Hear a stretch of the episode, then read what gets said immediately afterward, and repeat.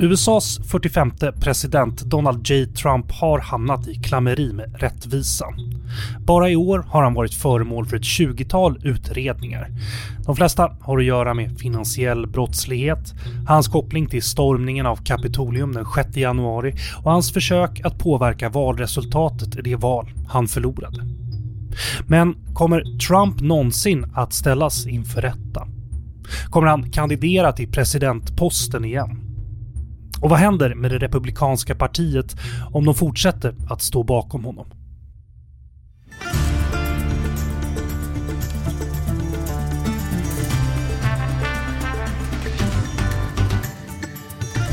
Du lyssnar på Utrikespolitiska institutets podd Utblick och jag heter Jonas Lövenberg. I det här avsnittet ska vi försöka förklara en del av den röriga situation som Donald Trump befinner sig i. Något som på flera sätt påverkar det politiska läget i hela USA. Och för att hjälpa mig och er att förstå det här bättre har jag med mig Jan Hallenberg, senior forskningsrådgivare på UI och någon som ägnar sig just åt frågor om USA och politik. Välkommen Jan! Tackar! Och jag har även med mig Karin Henriksson, författare och journalist, vanligtvis baserad i Washington. Hennes böcker handlar om USA och amerikansk politik. Och hon har bland annat skrivit en bok om just Trump för några år sedan. Välkommen! Karin. Tack ska du ha. Tack! Och Karin, kul att vi hinner med det här innan du ska tillbaka till Washington. För apropå det ska vi också berätta för lyssnarna att vi spelar in det här avsnittet i ganska god tid innan det publiceras för att kunna ha med Karin. Så det kan förstås framkommit ytterligare intressanta detaljer kring det här när det väl publiceras. Men jag tror att ni kommer tycka det här är mycket intressant ändå. Ja, jag har en lång lista och inte bara jag. Jag såg att Jan hade med sig en lång lista också på olika saker, olika eh, problem som Trump har med lagen. Olika pågående processer mot och kring Trump. Men jag tänkte vi skulle titta på de fyra mest intressanta kategorierna här lyfta fram, och lyfta fram de viktigaste fallen. Och vi kan väl börja med kopplingarna till upploppen den 6 januari när Kapitolium stormades. Något som i alla fall från den liberala sidan har kallats för ett regelrätt kuppförsök. Så kort kan vi försöka beskriva bara vad som hände den 6 januari. Karin? Det började egentligen kvällen innan. Eh, många av Trumps närmaste allierade dök upp i Washington. Dagen på samlades alla en bit från Vita huset. Klockan 12 då inledde Donald Trump ett tal och temat var alltså att valet var stulet mm. och att massan som hade samlats skulle protestera ännu mer och helst då i kongressen där man skulle certifiera, som det heter, elektorsrösterna och därmed också konstatera formellt att nästa president heter Joe Biden. Just det, och han sa väl att man skulle march on the Capitol här, i det här talet. John, hade något du ville tillägga där? Nej, det var ju det som hände då. Ja. det som hände då, ja. Men så här då, då och eh, då Trumps inblandning i det här är ju det som är en av processerna som, som pågår nu och hur ser de ut? Hur ser processerna mot Trump ut angående hans inblandning i det här? Och vad skulle han kunna tänkas misstänkas för? Ja. Han kan misstänkas för att försöka förhindra att en konstitutionell process genomförs, alltså det här som mm. Eh, Karin just berättade om. Och eh, han kan också misstänkas för, jag tror det är allmän konspiration eller något dylikt. Mm. Alltså för att för, försöka förhindra att Joe Biden blir president. Just det är det. det han försöker göra. Och så finns det olika juridiska då, vändningar på detta. Ja. Men okej, och hur ser processerna ut? Vi har väl flera stycken egentligen? Ja, det finns flera processer. Ja. Alltså det vi hör väldigt mycket om är ju det här 6 januari-utskottet som har haft ett antal eh, utskottsförhör och som har mängder med material och som kommer ge ut en bok, antar vi, före årsskiftet. Men det som är juridiskt mest spännande mm. det är ju i första hand justitiedepartementets egna undersökningar och de har vi ju fått se under sista veckorna att de har ökat i intensitet. De har kallat in en massa Trump-anhängare och de ger nu eh, vittnesmål framför en så kallad grand jury mm. som i sin tur sen kan leda till åtal. Det är det ena. Det andra är, skulle jag säga, i Georgia där det är i ett stort distrikt, ett härad, eh, Fulton County där det misstänks då att Trump och hans anhängare har försökt förhindra rättvisans gång när det gäller att förklara att Biden vann den delstaten. Just, och, och där är det en mm. åklagare mm. som alltså håller på att undersöka, som också har en sån här grand jury, fast en delstats grand jury. Mm. Och i båda de här fallen så misstänker jag, jag lyssnar gärna på Karin, så finns det alltså möjligheter att Trump personligen kan bli åtalad. Mm. Men jag menar för oss som icke-jurister och som inte vet, alltså det är väldigt, väldigt svårt. Personligen skulle jag gissa att Georgia-grejen lite, ligger lite närmare möjligheten till åtal mm. än det federala. Därför att åtala en president federalt är liksom fruktansvärt stort. Att det justitiedepartement som tidigare liksom var, var Trump ska sen åtala honom, det är liksom en oerhörd sak. Men, ja. Men okej, okay, då, då, måste jag bara ställa två frågor. Dels, jag tänkte komma till det här med, med Georgia, men bara eh, the DOJ, the Department of Justice, alltså justitiedepartementet, kan vi säga något om det bara för att vårt justitiedepartement har ju inte samma möjlighet att processa. Liksom. Det är ju en annan Nej, sak. Där. Jag vet inte, Karin får säkert lägga till här men det amerikanska justitiedepartementet är ju då liksom hanterings... De kan handla på egen hand, de kan ja. dra igång egna processer. Mm. De har åklagare på egen hand som kan sätta igång just den här processen då och, och, har experter på olika nivåer som kan dra in Trumparna och Just. aktivt driva det här på ett sätt som du säger svenska mm. justitiedepartementet inte kan göra. Nej, just det. Vad, vad vill du säga? Ja, samtidigt då så har ju då justitiedepartementet historiskt sett eller traditionellt sett så har man försökt att vara opolitisk därför att det är ju ändå den högsta mm. rättsinstans, eller rättsvårdande ska man kanske säga, instansen i landet. Men får vi då tillägga att allting politiseras, även justitiedepartementet. Mm. Och det kommer att bli väldigt intressant att se då vad ministern Merrick Garland kommer att göra. Och det är som Jan säger, självklart, att åtala en före detta president är ju ett oerhört steg. Och han betraktar sig då som en försiktig jurist och förmodligen tänker väldigt noga igenom allt sammans och kanske inte sover på nätterna på grund av det här. Nej, just det. Det här är väl också en pågående diskussion i USA, politiseringen av justitiedepartementet. Det är ju någonting som man ja, alltså, pratar mycket om också. Alltså, Demokraterna anklagar Republikanerna för att ha försökt politisera justitiedepartementet och Trump försökte mot slutet av sin presidenttur byta ut den sittande justitieministern som var acting som bara satt, han var inte tillsatt av senaten, till en annan gubbe som skulle stödja Trumps eh, mm. eh, påhitt.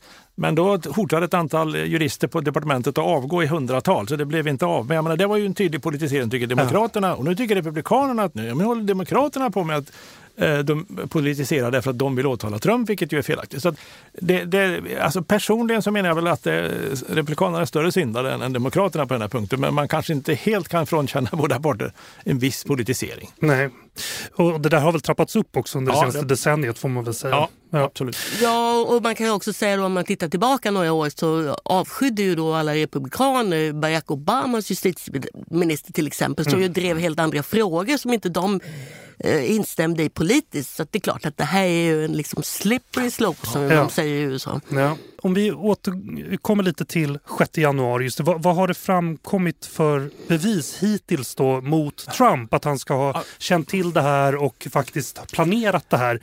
Inte, ja. inte bevis, indicier. Alltså, Indici till okay, exempel ja. det här utskottsförhören. Mm. En, en framstående medarbetare till, till stabschefen Mark Meadows som heter Cassidy Hutchison.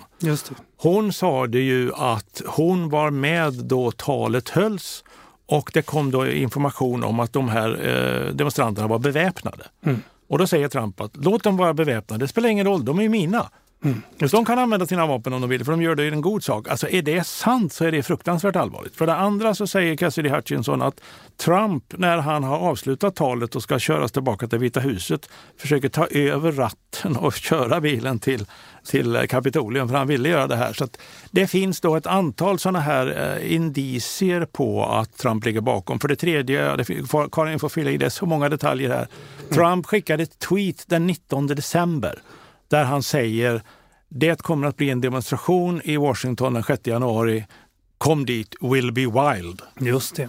Så det är några, några indicier. Det finns annat ja, vad, ja, men samtidigt då får man ju hålla i bakhuvudet att då bevisbördan för departementet är ju mm. enormt hög.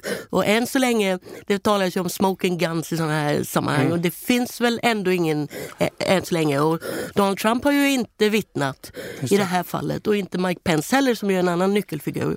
Just det. Vicepresidenten. Ja, och det har, det har väl skurit skurit sig lite mellan Trump och, och Pence eh, kan vi säga apropå det som hände den 6 januari då att Pence inte gjorde det som Trump önskade och, och stoppade den här eh, verifieringen av, av, av rösterna.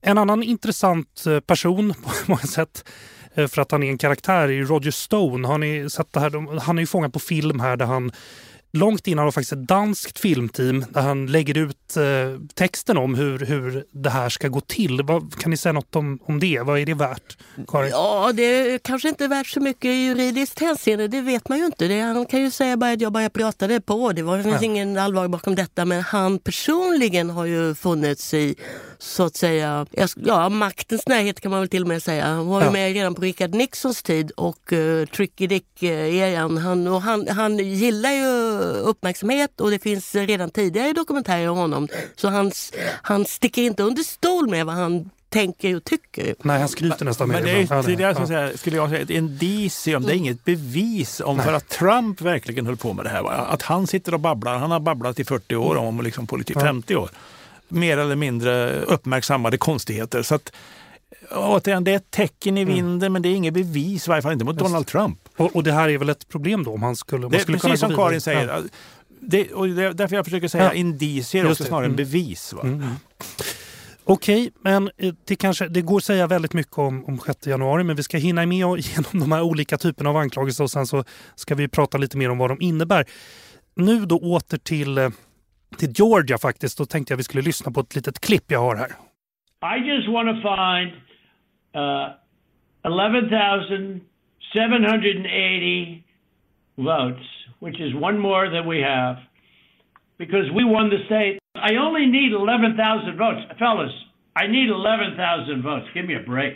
Ja, det här är alltså president Trump i telefonsamtal med Georgias Secretary of State Brand Raffensperger Ehm, det ska väl sägas också att det här är urklippt ur en, ett samtal som är över en timme långt. Just de här två, två delarna vi hörde sitter faktiskt inte precis bredvid varandra. Men det är för att illustrera hur det lät bara, vi måste först bara börja kort. Vad är en Secretary of State? Vad, finns det någon motsvarighet i, i Sverige? Nej, det gör det väl egentligen inte. Utan det är liksom ett slags nummer två i delstaten. Det behöver inte alls vara samma partitillhörighet som guvernören. Nej. Utan det är, och, och i mm, de flesta delstater tror jag, så är det den tjänstemannen som har högsta ansvaret för valprocedurerna ja. i staten. Just det. Okay. De är oftast, oftast, men inte alltid Nej. valda. Vissa delstater utser guvernören eh, Secretary of State. Okay, ja. Men den här rollen då som är unik unik då i deras system då kanske är ju viktigt att förstå vad den är då. Men okej, kan vi få mer kontext i det här samtalet? Jan, du började där, men Karin, kan inte du fortsätta? Vad, berätta om det här sammanhanget. Han, ja, Donald ja. Trump var ju helt enkelt ute efter att hitta sätt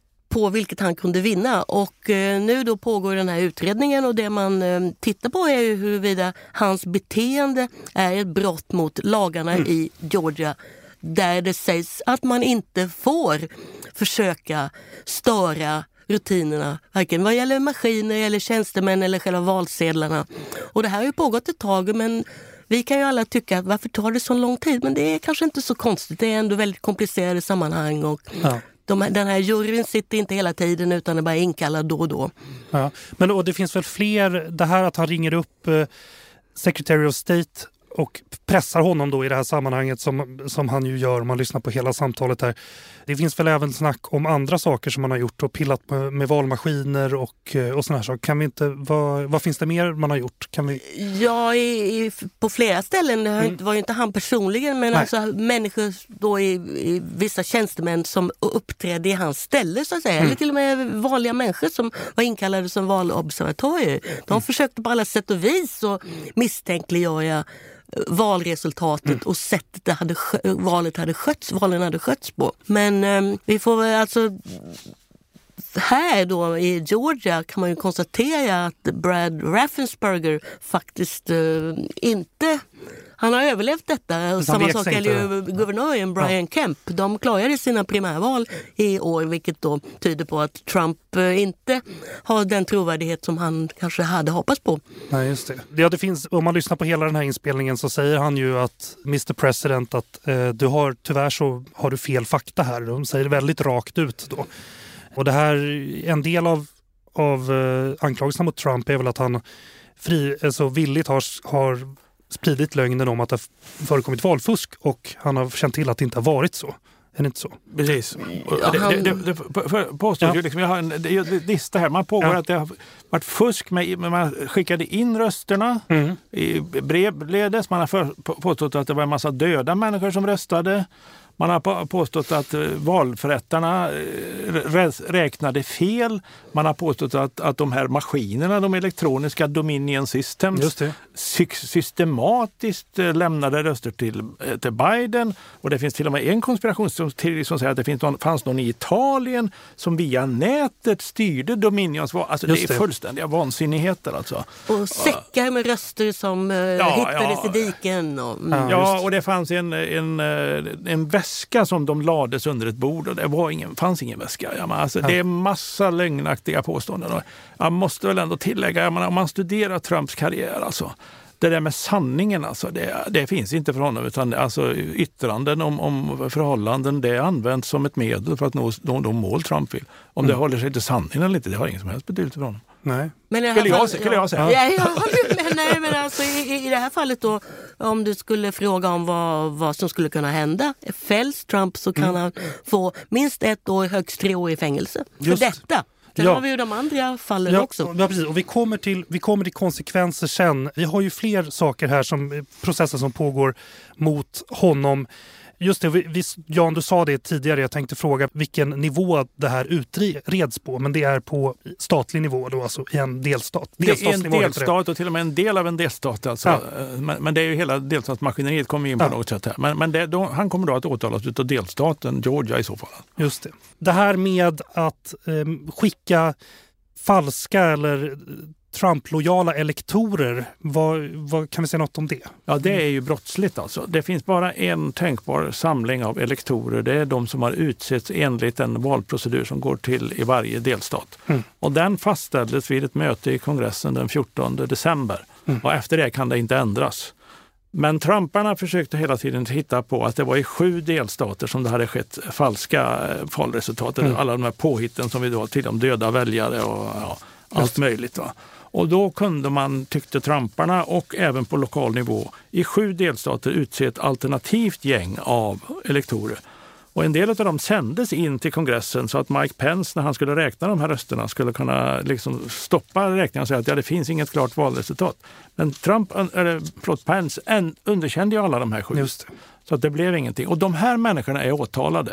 Och det är en del i processen i Georgia till exempel kopplat till det vi sa tidigare om mm. den lokala åklagaren. Ja. Det här den här konspirationen just i Georgia om de här mm. Eh, elektorerna. Men den finns som sagt var ytterligare sex delstater. Mm. Och, men till bakgrunden har jag också att det finns vissa oklarheter i den lag som eh, styr detta mm. från 1887, Electoral Count Act.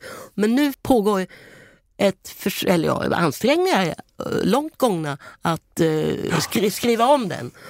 Och det är då ledamöter i båda partierna som står bakom detta. Så det Just, kan ju hända att det, det blir så. Det, finns två förslag. Jag tror att det kommer att bli en kompromiss mellan de två förslagen. Jag hoppas det. För då skulle det vara mindre risk för någon liknande hullabaloo som, som hände med, då med Pence, att man försökte påverka. Det ska vara, då blir det glasklart vilken roll presidenten har, vicepresidenten har den 30 januari. Mm. Och det här vi pratar om nu, är det, är det här någonting som Trump är anklagas för då? Alltså kommer, skulle han kunna eh, ställas inför rätta för det här? Jag tror inte att det går att koppla honom personligen till det. Det blir väldigt svårt. Men ett par av de jurister, till exempel, ja, massa namn som finns där, eh, mm. kan nog kopplas till det direkt. Och de är också förhörda i Georgia.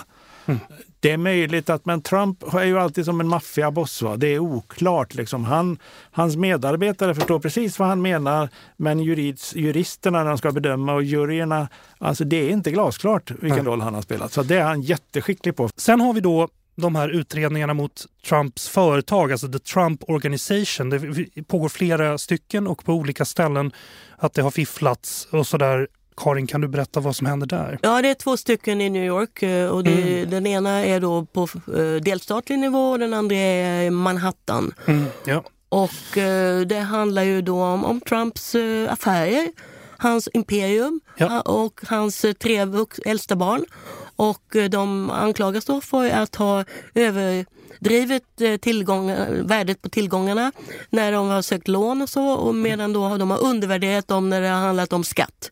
Och jag skulle väl påstå att det här inte på något sätt en hemlighet utan att det här har pågått i decennier. Mm. Men att eh, New Yorks eh, fastighetsvärld är inte som andra Nej. samhällsinstitutioner. Att man har vetat att Trump har hållit på med detta men på något sätt så har man sett mellan fingrarna med det fram till nu på allvar. Och um, Trump själv säger ju då att det här är en häxjakt, att det är en del i alla eh, otäcka, elaka demokrater som är ständigt ute efter honom. Men han ska kanske vara glad för att inte detta har grävts fram tidigare. Nej, nej. Kan man tänka sig att om han inte hade varit president i fyra år så kanske man inte hade brytt sig om det här, eller? Nej, det, han har ju ständigt lekt med elden så Okay. kan man säga. Ja. Och eh, han har klarat sig i alla år. Det kan ju ha varit så att, att man då man kände till vem han är. Det är inte värt besväret att sätta eh, hundratals eh, statligt anställda eh, utredare på detta. Nej, okej. Ja. Nej, Eh, men det, men- finns, men, ja. det finns ju i varje fall i den ena av de här som Karin var inne på så finns det ju då hans organisation en 222-sidig skrivelse från åklagaren som då mm, belägger alla de här påståendena. Jag bara för att illustrera då, han påstår att hans lägenhet är Mm. 30 000 fot. I själva verket är den 111 000 fot. Och Han påstår att den är värd 357 miljoner dollar och då säger åklagaren att ingen lägenhet i New York har någonsin sålts för mer än 100 miljoner dollar. Alltså det är fullständigt befängda påståenden. Så Ja. Det är väldigt svårt att tro att inte i varje fall ett, ett urval av de här mer än 200 punkterna som åklagaren har visat på kommer Trump att fällas på. Så att, men vilka konsekvenserna blir, alltså det är fruktansvärt svårt att säga. Han har ju varit förhörd, alltså han har ju i, i det ena av de här två fallen och då så eh, an, hänvisade han till det femte författningstillägget om att man inte ska vittna mot sig själv. Så han vägrade att svara på frågor flera hundra gånger och detsamma gällde hans barn. Och många åklagare tar ändå det som ett tecken på att eh, han inte, de inte har rent mjöl i påsen. Just det, finns det inte också en skillnad på en criminal lawsuit, alltså kriminell, eh, jag kan inte översätta det på, på stående fot till, till svenska, men criminal lawsuit och civil lawsuit. Hur man kan använda the fifth amendment, för det är väl det vi pratar om. Alltså, Ja, och, och, och kriminell, kriminalfall så, så är det liksom hundraprocentigt. Det säger ingenting att man åberopar det. Men i civila mål Mm. så, så är, kan det hållas till en åklagares na- nackdel. Alltså. Så det, det. är inte något positivt för honom att han mer än 400 gånger tror jag sa att han åberopade femte tillägget. Just det, och em, vi måste ånga vidare här med, med vad han är inblandad i för att komma, komma till analysen. Men eh, bara eh, det som skulle kunna hända här är att han, han inte får göra affärer i New York State om, om det är så att han fälls på några av de här punkterna. I det ena målet. Ja, i det ena målet. Ja. Okej, sen har vi den, eh, den senaste soppan då får vi väl säga. Sist men inte minst eh, de hemligstämplade dokumenten som FBI var tvungna att åka och hämta på Mar-a-Lago som är hans eh, golfklubb och bostad. Kan ni berätta om det? Varför var FBI tvungna att söka igenom Tr- Trumps hem för att få tag i de här dokumenten? Därför att dokument ifrån den federala regeringen, framförallt de som är hemligstämplade, de tillhör den sittande regeringen och inte någon tidigare president eller utrikesminister eller försvarsminister. just det. Allt det ska överlämnas till de nationella arkiven, the National Archives. Det finns mycket tydligt i the Presidential Papers Ja, det är lagstiftat, Ja, det är lagstiftat hur man ska behandla dem. Och Trump och, och, ska jag säga, Ja, ja, visst, han varsågod. åberopar då executive privilege. Eftersom jag har varit president så kan jag behålla breven från Kim Il-Sung som talar om för mig att jag är världens bästa ledare någonsin. Ja. Ja, men det, Ja. det håller inte juridiskt alltså, men frågan är ju den stora frågan är hur långt bär det här argumentet om att en avgången president fortfarande har viss rätt att behålla dokumenten. Mm. Det finns en dom från slutet av 70-talet när Richard Nixon höll på som säger att han hade visserligen inte rätt till de dokument som man då stred om, men det fanns dock ett visst utrymme för det som kallas executive privilege. Mm. Och vad är då det? Det vet inte jag och det vet inte Karin heller och det vet inte förrän det blir ett dom på det här. Det, och Donald Trump vet absolut inte. Nej, det kan vi, kan vi utgå från. Okej. Men kan vi få lite mer bakgrund här? Alltså, man har då eh, begärt tillbaka de här eh, De pappren. nationella arkiven har begärt tillbaka de här pappren och de har inte haft några fullständiga sammanställningar vad jag kan förstå därför att Trump hade inte några fullständiga sammanställningar. Nej. Och, och de har varit där nere, de har krävt flera gånger och, och det som ligger mycket Trump till last och hans medarbetare är ju att en medarbetare, jag tror att det var i juni i år, Mm.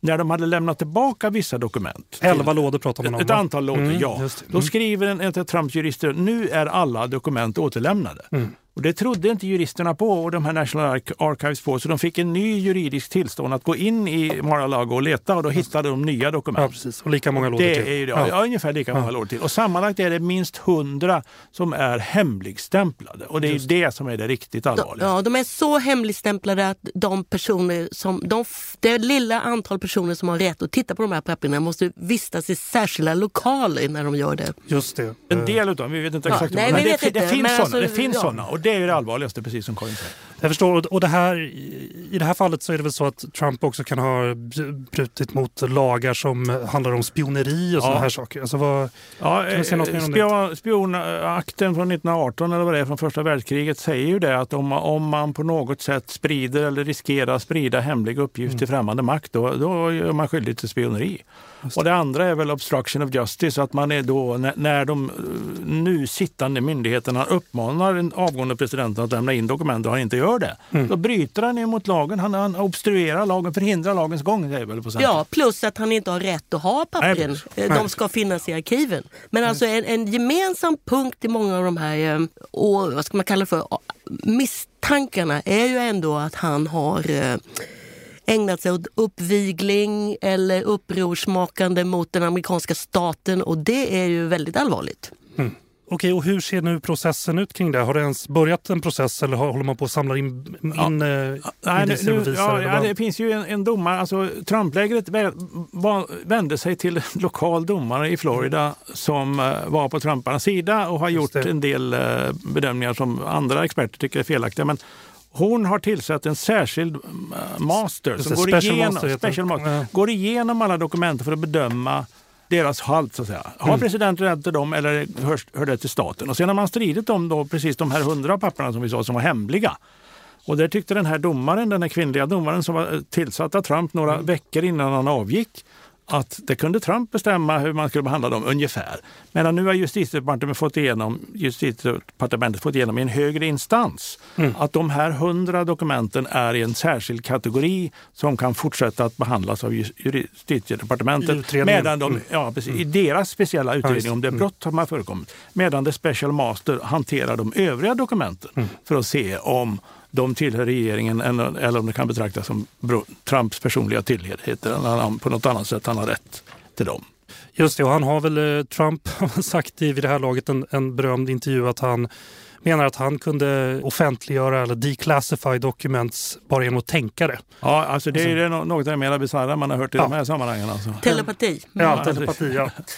Ja, okej. Då hoppas vi att ni som lyssnar har fått en bild av att det, ja, det är ganska mycket som pågår men de här fyra kategorierna 6 januari, att försöka ändra på valresultatet. Hans ekonomiska problem och de här hemliga dokumenten är väl det, mm, säga, de, de allvarligare grejerna då som han, som han står inför. Men hur bemöter då Trump de här anklagelserna? Finns, och jag undrar också, finns det någon genomgående taktik som han och hans jurister använder? Karin? Ja, alltså han, eh, i första hand hävdar han ju då som vi har varit inne på att det, dokumenten är hans, de tillhör honom. Ja. Och sen så säger han att han har eh, declassified dem på olika sätt. En del medan han var i Vita huset och annat senare. Mest då rättigheter som han har påstått, sig mm. ha. Och sen så säger han, talar han då om attorney client privilege, att det handlar om eh, juridiska spörsmål, alltså är det hemligt av det skälet. Och, eh, och sen så säger han att det är yttrandefrihet, han har naturligtvis rätt att säga vad han vill. Och, ehm, Ja. och sen då, inte minst, så säger han ju att det är en häxjakt som har pågått i sex år och att eh, den är politiskt styrd av Demokraterna, de galna vänsterdemokraterna med Joe Biden i spetsen. Men eh, det är inte många som tror på honom får man väl lov att säga. Och, och det, det är det det kommer handla om. Kommer folk att tycka att... eh, Jag tror att Jan är förmodligen överens och jag är för, förmodligen överens att det här är Dokumenten är det allvarligaste ändå. Det, det kommer nog vara lättast att och, och jag kommer fram till ett åtal där. Ja, just det. Men och jag bara, de här andra anklagelserna då. Det är ju så många som bara för att stämma av. Vad, vad säger han mot de andra anklagelserna- då? Hur bemöter han dem? 6 januari. Ja, där säger han ju att eh, vadå, jag var, ju bara mig Yttra, själv. yttrandefrihet, ja. Yttrandefrihet. Ja, ja, okej. Och även ska jag fråga om Georgia-grejerna då, vad säger han där? Ja, men han säger väl att han har rätt att ifrågasätta, han har rätt att samtala med befattningshavare, för han är ju ändå president. Han kan tala med vem han vill ungefär. Ja. Ja, och när det kommer till de här ekonomiska anklagelserna då? ja, där kommer han väl att säga vadå, ni har fel, ni är ute och Ja. cyklar. Ja, det är en häxjakt. Och vad, vad förstår ni om New Yorks fastighetsmarknad Ja, okej. Ja, och dessutom då, det är också en kvinna, svart kvinna, som, och det ingår ju också i hela spelet att, att Trump ser ner då på de här svarta kvinnorna som är ju väldigt högt utbildade jurister. Och eh, han anklagar då den ena av dem i New York, Letitia James, att Mm. hon då, eh, ja, hon har varit ute efter honom i åratal. Och Hon- det hon är- har hon i och för sig. Men Hon är, det rasi- hon är rasist säger han. Alltså. Ja, men hon har ju varit, hon har, hon har, det finns, hon, hon gick till val på att sätta dit honom. Så det stämmer ju, men det behöver ju inte betyda att det är fel. Det behöver ju inte betyda att hon inte borde göra det. Nej, just det. var bara för att ta, ta oss igenom de här olika sakerna vi pratar om. Men, men det här med taktik då. Jag, vi har frågat lite efter, något som verkar genomgående är ju att det gäller hela tiden att bara förhala allting. Skjuta det på framtiden så det går över vissa tidsgränser och sådär. det är ju Trump mästare på. Jag menar, Ja. Nu kommer det ut en ny bok imorgon tror jag utav New York Times-reportern Maggie Haberman som verkar be- bevisa just det. Hon är ju också från New York och har ju följt honom länge. Alltså, Han är mästare på att fördröja, förhala, hitta lösningar och även om man blir fälld så säger han att egentligen var jag inte fälld. Då. Och, så, och förminska hela tiden. Så att han, jag, jag tror att han, han, han hoppas att, att de, ska, de ska dö de här åtalen, liksom sotdöden på något sätt. Ja, och gå till attack. Det är ju Ja, det- det det det. gör. Hela tiden gå Ja, till attack och, och, och liksom vända bort uppmärksamheten från sig själv. Och sen ska vi kanske också, som vi har varit inne på, han har väldigt lång erfarenhet av detta. Han har ju ägnat sig i, vad blir det, 40-50 år. Redan i början av 70-talet klarade han sig undan en eh, en stämning från från bostadsdepartementet. Han och hans far som anklagades för att ha vägrat att hyra ut lägenheter till minoriteter. Och det klarade han sig undan tack vare en av de eh, skarpaste, slemmigaste, beroende på hur man ser det, jurister i USAs historia som heter Roy Cohn. Ja, just det. Det namnet känner vi igen. Ja, precis. Okej, och det, det är det han gör och det har han alltid gjort då. Det är liksom egentligen inget nytt som händer här. Nej, utan- han har ju också gjort upp i godo. Ja, det det är ett sätt att Ja. då inte medge att man hade fel, men man betalar ju under bordet. Ja, det har han just gjort. Det. Till exempel Ja, Trump det- University. eh, Ja, det har förekommit tydligen eh, känningar med båda tror jag åklagarna i New York. Kan vi inte hitta någon lösning här på liksom, som är ett mindre åtal då eller något sånt där. Och som du säger, någon lite mindre betalning utav någon. Men det har ju inte de gått med på då. Nej. Vad vi kan förstå. Eller de har Nej, de och inte, utan det är väl, eh, det är ju liksom mycket högre, allt, det är mycket mer som står på spel nu så de kan ju inte rimligen göra det. Men det kunde de Ja, kanske det. innan, medan han var privatperson. Karin, du sa här att eh, det här med de hemliga dokumenten är den anklagelse som verkar allvarligast eller som verkar kunna leda till någonting i alla fall. Kan vi utveckla det lite? Varför då? Ja, det, jag tycker eh, det- alltså, The Presidential Records Act het- heter den. Alltså. Mm. Alla dokument som presidenten har som har någon betydelse för den federala regeringen, de tillhör den sittande federala regeringen och det är den sittande presidenten som bestämmer över dem. Mm. Den avgående presidenten har ingen talan i detta. Och detta tycker jag är det fundamentala. Framförallt de här hundra dokumenten som vi har talat om. Och särskilt de som Karin nämnde som är tydligen oerhört hemliga. Så att bara liksom några tiotal personer i hela USA kan få se dem. Mm, just det. Alltså där är det väldigt svårt att se tycker jag att han inte skulle fällas på någon eller några punkter. Nej, det verkar så enkelt att säga det här säger lagen, de här pappren ska behandlas på det här sättet. Och jag läste en krönikör i Washington Post som nämnde att han hade jobbat i Vita huset och då var det Brett Kavanaugh som senare blev ny ledamot i Högsta domstolen som var ansvarig just för arkiveringen. Och den här krönikören sa att det gick exemplariskt till. Men med Trump är det ju ingenting som har gjort det. Nej. Det fanns väl massa andra saker i de här lådorna med hemliga dokument också enligt de rapporter vi har. Att det fanns lite personliga, personliga brev, absolut, men lite personliga grejer. Och han säger ju att hans testamente var med där på något hörn. Och, om det ens är sant. Men Omslaget till Time Magazine där Trump är på omslaget. Ja, in, lite av varje där, ja. Ja, okej, men ni är överens om att det är, det är de hemliga dokumenten som verkar Ja, allvarligast här? ja. Mm. Okej, men jag ska fråga så här också. Vi, vi har, Nixon har nämnts här i förbifarten men jag ska fråga finns det någon historisk motsvarighet till den här situationen med, eh, till någon av de här sakerna? Då? Och finns det någon historisk kontext i så fall? Karin? Om man går tillbaka riktigt långt i tiden så finns det exempel på att presidenter har i alla fall funnits i utkanten av skandaler, korruptionsskandaler. Mm. Det gällde till exempel Ulysses S. Grant och Warren Harding. Men eh, de ansågs inte personligen ha varit delaktiga eller ens kanske medvetna om vad som pågick. Okay. Men sen är det då Richard Nixon ja. och eh, hela Watergate eh, dramat mm. och hans roll i det. Och eh, det som är intressant här är ju att han eh, tvingades avgå därför att partikamraterna visste att man inte skulle ha röster nog att så att han inte blev fälld i, eh, i, i, i ett, riksrättsrätt, ett riksrättmål. Men sen, det som liksom hände sen är också intressant i sammanhanget, nämligen att den, att hans efterträdare Gerald Ford benådade Nixon och det spökar på sätt och vis nu. För att eh, det betyder ju då att det inte finns liksom någon riktig rutin för att titta på en, vad en president gjorde. Därför att som Nixon, han klarade sig så att säga. Det blev ju aldrig någon utredning av Nej. det han gjorde och en del av detta var, ja det är klart att han inte gjorde, kan man ju säga för han tvingades ju ja, avgå. Men i, efter, det blev ju inget sånt Nej. efterspel som det blir nu med Trump kan man ju säga. Han fick inget straff för det han gjorde. Annat Nej. än att han fick lämna. Det var det ja. typ, ja, det sista var straffet för honom. Men, det var, men, det var ingen juridiskt avgörande som Karin säger. Nej. Och det är delvis därför som det är så svåra marker vi är inne på nu ja, i USA. Därför att det finns inga presidentsfall. Nej, och kritiker då av, av Fords benådning, Ford, alltså av Fords beslut att be, benåda Nixon. Ford själv menade att det här var enda sättet och hela nationen. Men i efterhand säger kritiker att det var fel därför att det betydde att man har två rättssystem. Ett för presidenter och ett mm. för alla andra. Just det. Ja, och eh, jag har skrivit en fråga här som egentligen har svarat delvis på vilken av utredningarna kan leda till att Trump ställs inför rätta och då tror vi främst på de här med dokumenten. Men eh, vi kanske kan eh, säga något om alltså, det här vi är inne på nu. Alltså en, kan en sittande president ställas inför rätta? Och och spelade roll att han var sittande när han begick sina brott? Då? En, en president kan fällas i ett civilmål. Mm. Clinton fälldes av en, en tidigare medarbetare i, i hans delstat Arkansas för att han hade gjort någonting. Men det var ju inget, det var ett, ett civilmål, så att säga. han fick väl en stämning och han fick inte längre vara, kalla sig för advokat.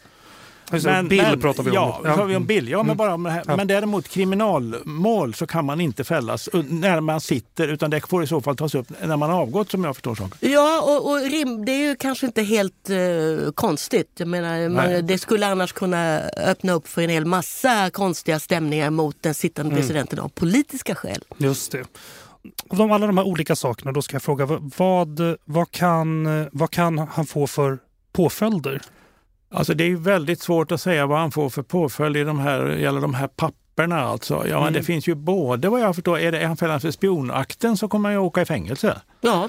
Alltså, men mera rimligt är väl att tänka sig någon form av böter, alltså någon sorts stämpel. Att som här får man inte göra. Sätta en tidigare president i fängelse, det krävs ju väldigt mycket. Det, I fängelse står för kanske då Karin, jag vet vad du tror, det här Georgia lite större risk. Därför att jag menar, varför skulle de liksom benåda honom om man belägger att han verkligen har försökt bryta mot Georgia, eller brutit mot Georgias lagar när det gäller att respektera valresultatet?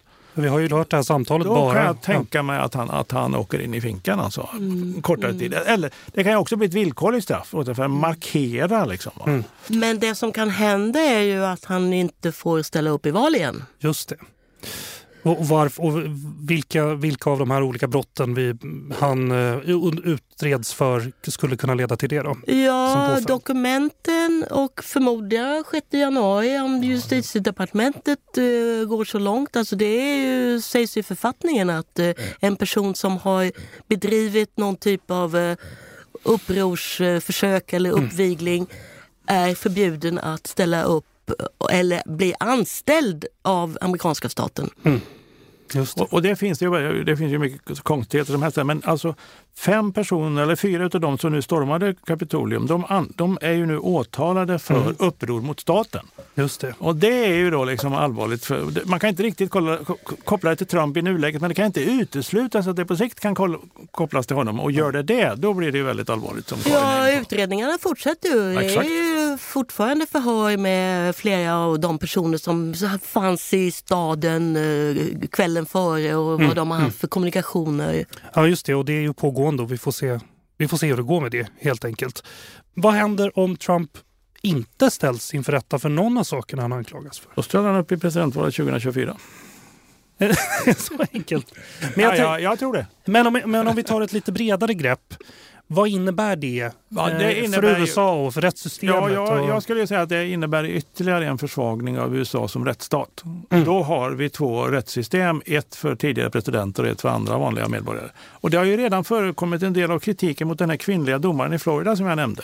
Mm. Ett par av hennes utslag har vänt sig till Trump på ett sätt som vad vad jag kan se alla vettiga bedömare tycker går alldeles för långt. Mm. Uh, Så att hon har, skulle man kunna säga, utövat en, en lagstiftning eller en rättsskipning som visar att presidenter står i en särskild kategori före detta och alla andra medborgare i en annan. Det är ju fruktansvärt olyckligt alltså. Och om han blir frikänd på allt det här så blir ju den, eh, Trump personligen, då blir ju den tanken liksom ännu mera eh, stadfäst. Och det vore ju förfärligt ja, olyckligt. ja, och dessutom så eh, jag skulle påstå att det är mycket som går rätt till i USA vad gäller just typ arkivering och eh, beslut. Och, och Trump har ju brutit mot allt detta. Och att detta då ska tillåtas i framtiden vore ju förödande för ett så stort och viktigt land som USA med ja, supermaktstatusen och kärnvapen och anklagelser om det ena och det andra. Och om man då inte kan lita på den amerikanska staten längre, då är det ju väldigt allvarligt. Sen så finns det ju en, en aspekt till och det är ju hela det här juridik, juristernas kamp. Det pågår ju alltid och det gäller ju även här också. Det kommer handla om vem som har bäst jurister till sist. Och just nu är det, verkar det lite skakigt för, för Trump. Ja, just det. Det är ingen som vill jobba för honom just nu va? Ja, han, har, han har fått en duktig jurist i, i Florida mot att han betalar 3 miljoner dollar i förskott. Men har inte han slu- hunnit sluta också? Nej, nej, han är fortfarande där. Ja, okej. Men den här domaren i Florida tycks ju då bekräfta alltså misstankarna om att Trumps och då Republikanerna i senatens goda minne att eh, man inte har längre så höga krav på vilka man tillsätter på domarbänken. Den här kvinnans re resonemang, Eileen Connor heter hon, eh, har ju sablats ner fullständigt av hundratals jurister och ändå sitter hon kvar och kan fortsätta. Hon är väl heller inte särskilt eh, kvalificerad har jag förstått det Nej, nej.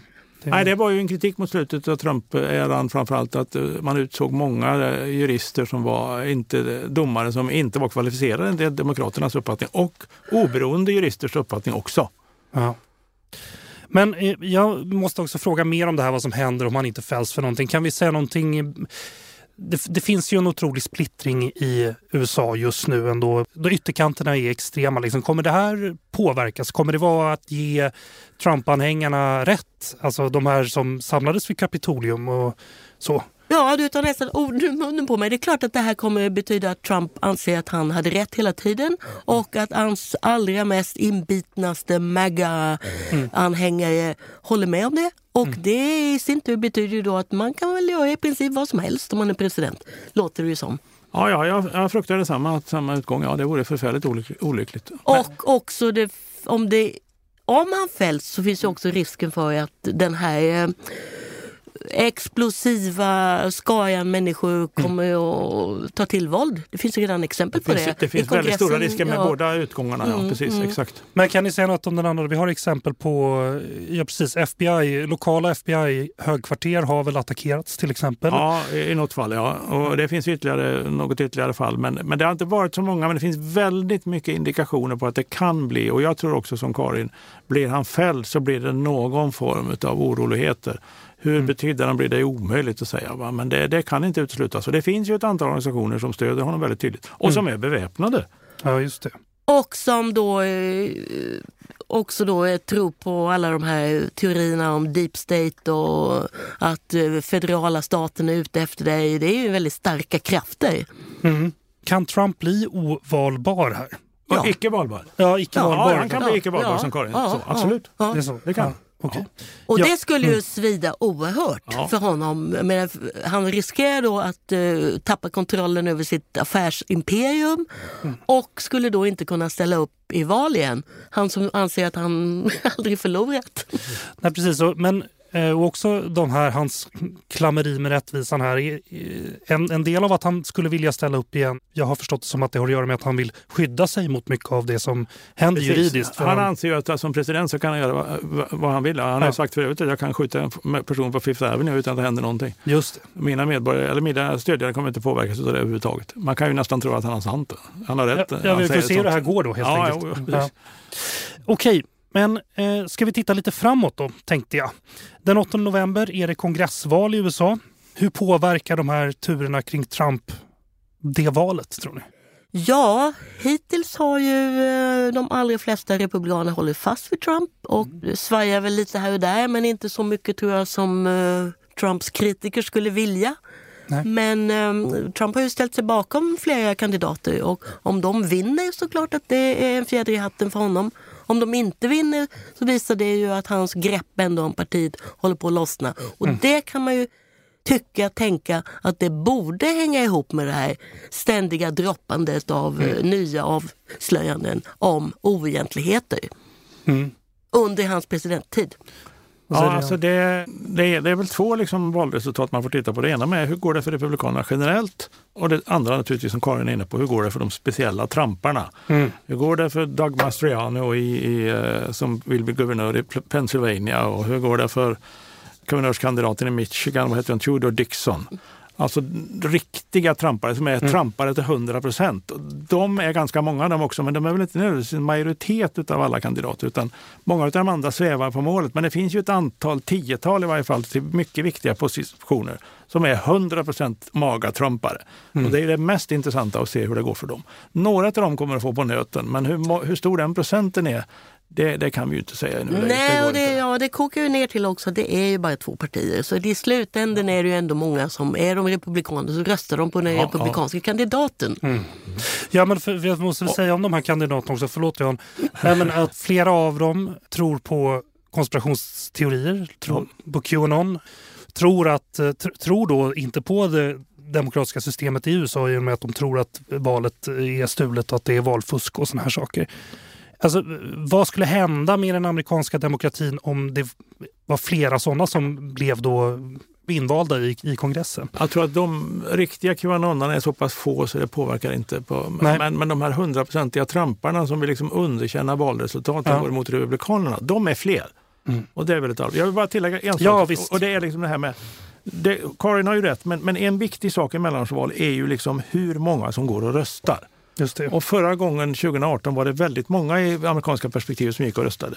Blir det samma? Kan Demokraterna mobilisera inte minst kvinnor som är emot det här abortbeslutet av Högsta domstolen? Då kan det gå bra för Demokraterna. Men det kan vi, det kan vi aldrig veta. Och de här pollsters, de som undersöker med opinionsundersökningar, de sliter ju sitt hår varje gång för att mm. veta just det där. För det är en väldig upp och ner. Liksom. Blir det 45 procent, 50 procent, 55 procent, mm. 58? Alltså, det är omöjligt att säga. Det har svajat väldigt mycket under de senaste månaderna. Det var ovanligt högt 2018. Mm. Ja, det, och, precis, och det blir det säkert i år också. För det... det blir förmodligen högt för det är väldigt stort politiskt intresse. Mm. Ja, vi får se hur det går med det där egentligen. Jag ska också ställa en annan fråga om, om hur vi har det nu då. Alltså vad, vad har Trump för ställning i det republikanska partiet nu då? Han har fortfarande en stark ställning. Han är den starkaste kandidaten inför 2024 och de flesta kandidater som ska nu väljas om eller bli valda till antingen senaten eller representanthuset stödjer Trump rent allmänt. Och så finns mm. det en mindre falang som är riktiga maga Trumpare. Mm. Och så finns det sådana som, som ju är mer eller mindre emot honom, som till exempel senatens eh, minoritetsordförande Mitch McConnell. Han visar ju tydligt att han inte är lilla Trump och tvärtom. Men det är en minoritet som vågar visa det explicit. Ja, vad, vad, säger du Karin? Nej, jag håller med om det. Trump är så skicklig också. Han är så otroligt eh, ja, skicklig att upprepa det ordet. Det är svårt han... att tänka sig något annat. Att han, eh, han är en väldigt skicklig eh, demagog. Ja. Han kan verkligen pricka in och att han, vi tycker att han går för långt hela tiden. Men uppenbarligen gör inte folk i allmänhet det, eller i alla fall inte magga-människorna. Ja. Men som vad gäller då Mitch McConnell, så senast häromdagen så använde, eller tog Trump till ett eh, väldigt rasistiskt eh, uttryck om hans fru som Mm. har rötter i Kina. Och, och han kan liksom göra de där sakerna utan att... Hon var ju dessutom hans minister i I tre, fy- fy, fyra nästan fyra år. Hon, hon avgick ju efter... Hon avgick efter 6 januari, det är därför som hon är renegat. Ja, okej. Men alltså Mitch McConnell då, som, som Jan säger, har ju visat skepsis eller, Ja. mot Trump flera gånger. Och den här gången har han använt ordet, eller uttrycket kandidatkvalitet. Han är inte nöjd med dem som Trump har lyft fram. Nej, nej, jag förstår. Men man ska väl, vi ska väl nämna här också att i 6 januari-utredningen så Liz Cheney har ju en framträdande roll där som är republik republikan och hon har ju förlorat i sin delstat. Hon har blivit av med sitt ämbete för att hon... Ja, det är ju en av de mest republikanska delstaterna i unionen och eh, det var tillräckligt många maga trumpare där som Mm. röstade ut henne, ja, tyvärr. Ja. Med allt det här då som vi har hunnit prata om, alla turer, kommer Trump ställa upp i nästa presidentval? Jan, Jag tror fortfarande att det är mer sannolikt än inte ja. vad tror du Karin? Nej, jag är ju skeptisk, jag har ju det hela tiden. Men eh, det torde ju finnas människor i hans omgivning som faktiskt råder honom att inte göra det. Han har ju förlorat. Och eh, han fick ju inte ens flest röster i något av presidentvalen. Ja, det. Och, eh, men han har ju, han, eh, lyssnar sällan på andra, det har ju framgått. Men det avgörande blir ju om han blir fälld juridiskt eller inte. Då blir det ju väldigt mycket svårare. Då kommer motståndet ifrån icke-tramparna i Republikanska partiet bli väldigt mycket starkare och ansträngningarna för att hitta en motkandidat blir mycket starkare. Ja, man kan ju kanske också nämna ordet sakfrågor. Det finns ju ingenting i det som Trump säger idag i sina tal eller i intervjuer som tyder på att han har något slags program för vad han vill genomföra om han skulle ställa upp och vinna. Och någonstans även i USA bryr sig folk om vad, vad det utfärdas för löften. Och det, USA står ju inför väldigt stora problem och tror man då att Trump skulle lösa dem bara för att han säger att jag kommer att lösa problemen. Det trodde man ju en gång, men inte, eller i alla fall tillräckligt många för att han skulle bli president. Men den här gången har jag svårt att tro det. Ja, vi får se hur det går helt enkelt. Jan Allenberg, senior forskningsrådgivare på UI. Karin Henriksson, författare och journalist. Tack för att ni kom. Tackar. själv. Tack själv. Nu har du lyssnat på Utblick, Utrikespolitiska institutets podd. Glöm inte att trycka på prenumerera-knappen i appen där du lyssnar på oss. Om du vill veta mer om UIs forskning och omvärldsbevakning, titta in på ui.se. Vår vignett är komponerad av Friden Frid. I kontrollrummet idag sitter Kyle Rosén. Resten har jag gjort och jag heter Jonas Lövenberg. På återhörande.